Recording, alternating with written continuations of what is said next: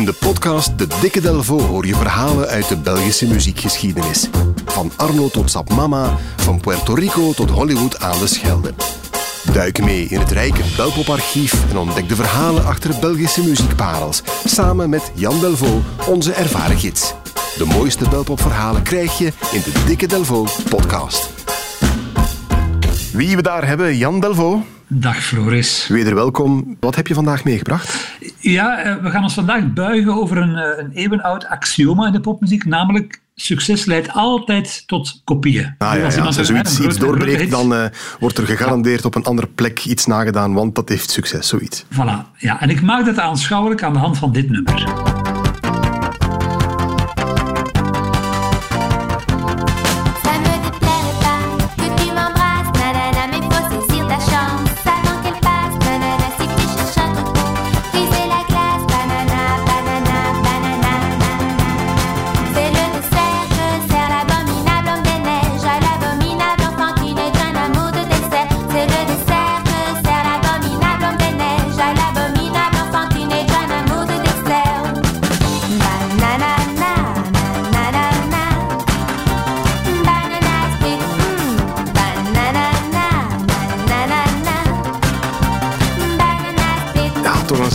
Belpop classic nog altijd. Banana Split van Leo. Ja, uit 1980 een bom van een plaat. Uh, in Frankrijk zat het nummer dat jaar in 1980 tussen de 20 best verkochte platen.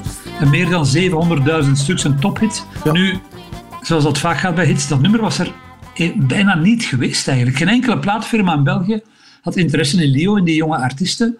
En ze werd uiteindelijk opgepikt omdat platenfirma Ariola uh, in Belgische artiesten wou of moest investeren. Dat is een beetje onduidelijk omdat het om, om fiscale redenen was, omdat het echt een prioriteit was. Maar dat plaatje wordt uitgebracht en wordt, zoals ik al zei, een immense hit. En dat onverwachte succes dat leidt tot een ware Leomania, hè, zoiets in, bij ons. Uh, zeker bij de mensen die haar talent over het hoofd uh, hadden gezien. Want dat plaatje heeft heel lang gecirculeerd, niemand wou het hebben eigenlijk. Dus iedereen dacht van verdomme, hè, daar hebben we iets laten liggen eigenlijk.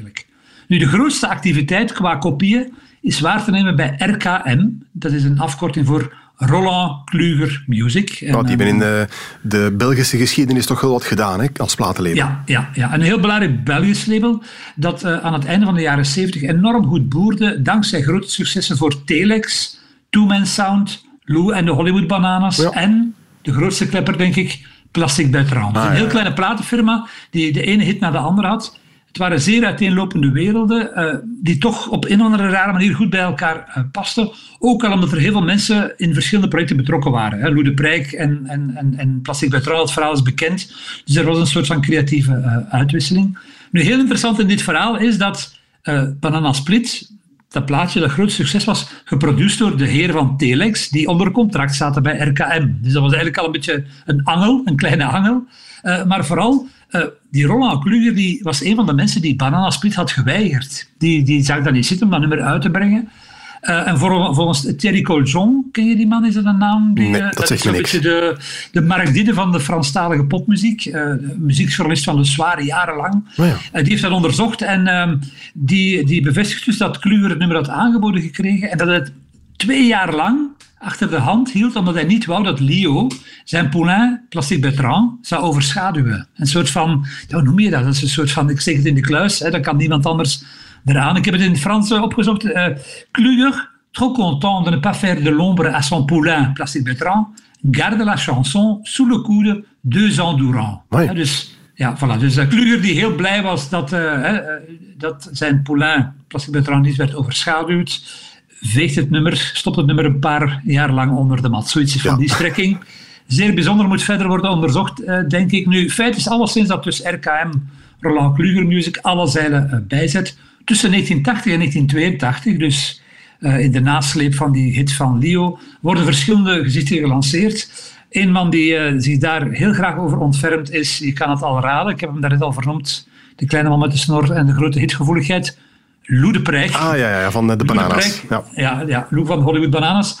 Ontfermt zich over een zekere Gaël, uh, die na drie plaatjes uh, totaal verdwijnt, maar die toch wel heel erg op Leo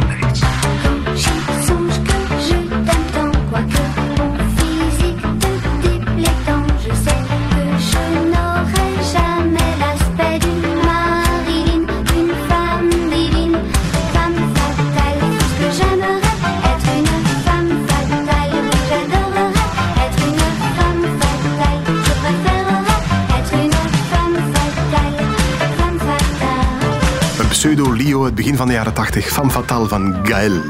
Ja, Pseudo Leo, zeer mooie uitdrukking. We gaan naar het tweede gezicht. Dat is Helena Lemkovic. Die had gezongen, of die zong toen bij Lou en de Hollywood Bananas. Dat was een van de bananas eigenlijk. Ah, ja. Uh, en die had ook met Leo op school gezeten. Die hadden samen Humajora gelopen. En zij maakte in 1981 een volledig album met uh, Lou de Brijk.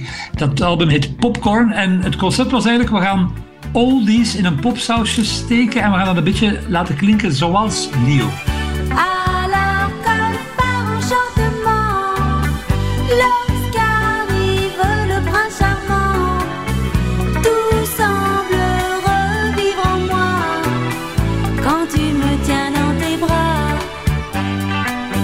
Prins Charmant, ook vroeg jaren 80. Alweer een pseudo-Leo, Helena Lemkovic. Ja, werd ook niks, net even minder als met uh, Gael. Maar nummer drie is wel prijs, derde keer goede keer, of toch redelijk prijs.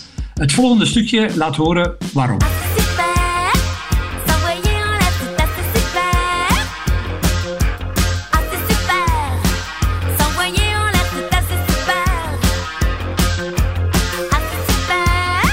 Mino is dit. Assez super. Ja, Mino klinkt als...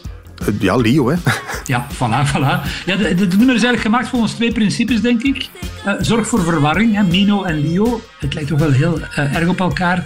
En principe 2 is, smeet het ijzer als het heet is. Want dit nummer komt eigenlijk een paar maanden uit al na, na Banana Split. Banana Split werd uitgebracht in november 1979. Assez Super in het begin van 1980. Dus er is meteen in de studio, hè, men is meteen in de studio gedoken om dat nummer eigenlijk te maken.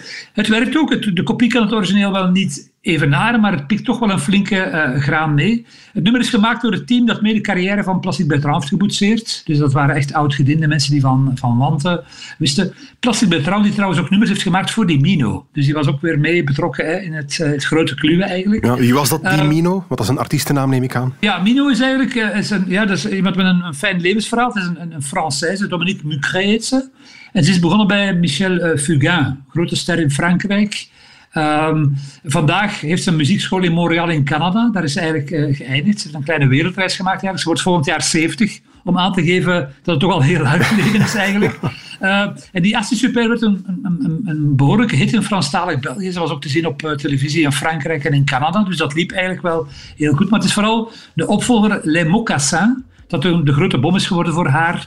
Uh, door hetzelfde team ook gemaakt. Goud in België, goud in Canada. Vandaar wellicht ook dat ze naar Canada is verhuisd. Het land heeft haar echt uh, uh, omarmd. Lem ook zijn klinkt dan weer als heel flauwe synthesizerpop. Dus ik denk dat we zeker AC Supers volledig moeten laten horen. -huh. Er is ook een Engelse versie. En die heet Kama Sutra. Dus daar ah, ja. me dan nog een derde principe geheiligd van. Laten een beetje kinky klinken.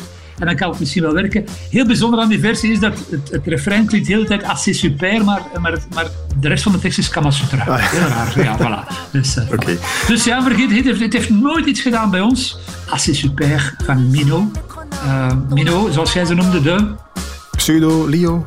Voilà. Zoiets, hè? Oké, okay, wij gaan werken aan uh, een beetje kinky klinken en we luisteren terwijl naar Mino. Assez super. Jan Delvaux, bedankt. Hè.